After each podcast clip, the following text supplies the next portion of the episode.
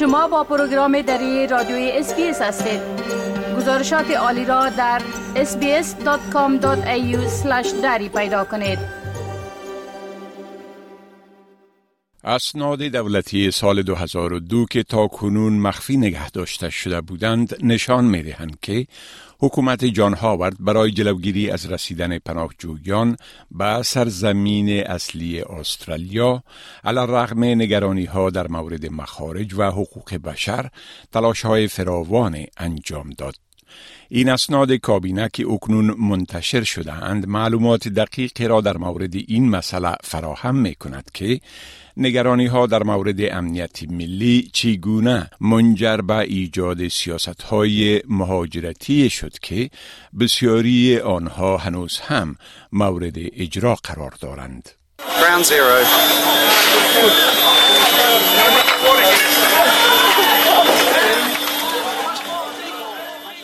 انفجار بم ها در بالی به روز 12 اکتبر سال 2002 استرالیا را به شدت تکان داد.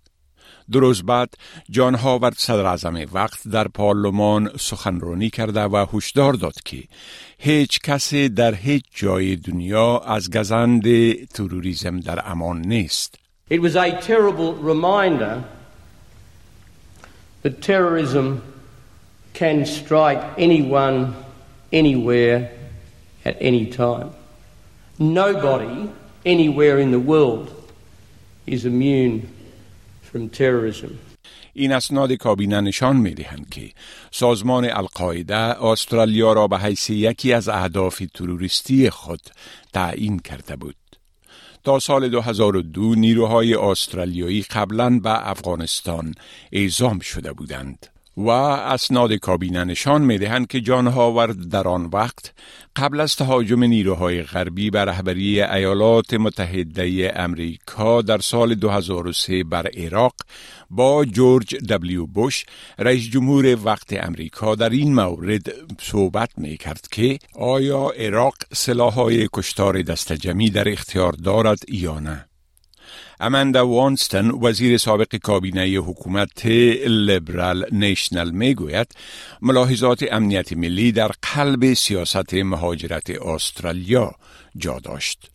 You'd have to be from another planet, not to say to yourself, gee, if I were a terrorist and I wanted to get people into Australia, how would I do it? Well, I'd pile them up on a, on a boat full of otherwise genuine asylum seekers. تا سال 2002 حکومت فدرالی قبلا راه حل پسیفیک را مورد اجرا قرار داده بود. سیاستی که به اساس آن قایقهای حامل پناهجویان آزم استرالیا به عقب برگردانده شده و پناهجویان را در مراکز توقیف در جزیره نارو و پاپانیگینی جابجا و بررسی می کنند. اما این نگرانی وجود داشت که ممکن توافقات با کشورهای پاپانیگینی و نارو برای بررسی پناهجویان در آنها ناپایا و شکنند باشند و قایقهای بیشتر پناهجویان آزم استرالیا گردند. بنابراین در ماه مارچ 2002 کابینه تصمیم گرفت تا یک توقیفگاه در جزیره کریسمس آیلند که ساحه بیرون از قلمرو مهاجرتی استرالیا اعلام شده بود اعمار گردد. کابینه موافقه کرد که مدت اعمار این توقیفگاه از دو سال به سی و نو هفته تقلیل داده شود و با بیش از دو چند هزینه تعمیراتی به تناسب مخارج تعمیراتی در سرزمین اصلی استرالیا ساخته شود. حکومت می‌خواست این پیام را بفرستد که پناهجویانی که مایل به ورود غیر قانونی به استرالیا هستند هرگز در سرزمین اصلی این کشور پا نخواهند گذاشت و این چیز است که به نظر دیوید لی معرخ برای موفقیت سیاسی حکومت ائتلافی احزاب محافظه کار استرالیا بسیار مهم بود. With the Pacific solution, really, the government uh, had locked onto a strategy that was politically successful for it. So even though it was more expensive to process asylum seekers in this way, and even though it complicated relationships with countries like Papua New Guinea, the government was determined to go ahead with that despite the costs.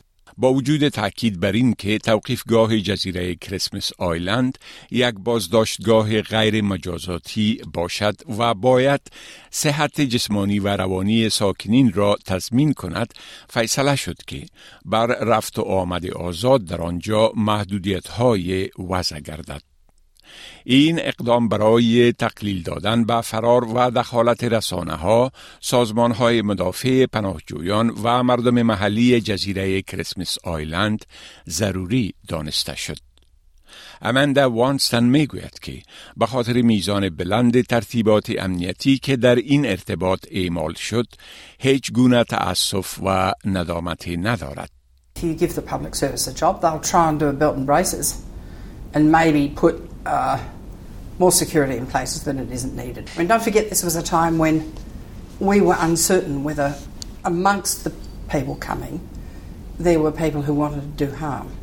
سال گذشته کمیسیون حقوق بشر استرالیا توصیه کرد که جزیره کریسمس آیلند بسته شود و در عین زمان حکومت حزب کارگر به رهبری البنیزی تعهد کرده که ویزاهای حفاظتی موقت را از بین ببرد. ولی حکومت او هنوز هم از سیاست توقیف و بررسی آن دست پناهجویان در خارج از کشور حمایت می کند که تلاش می نمایند با کشتی بدون ویزه معتبر وارد استرالیا شوند. گزارش را که شنیدید با کمک سیرا تامفسکا از SBS News تهیه شده بود.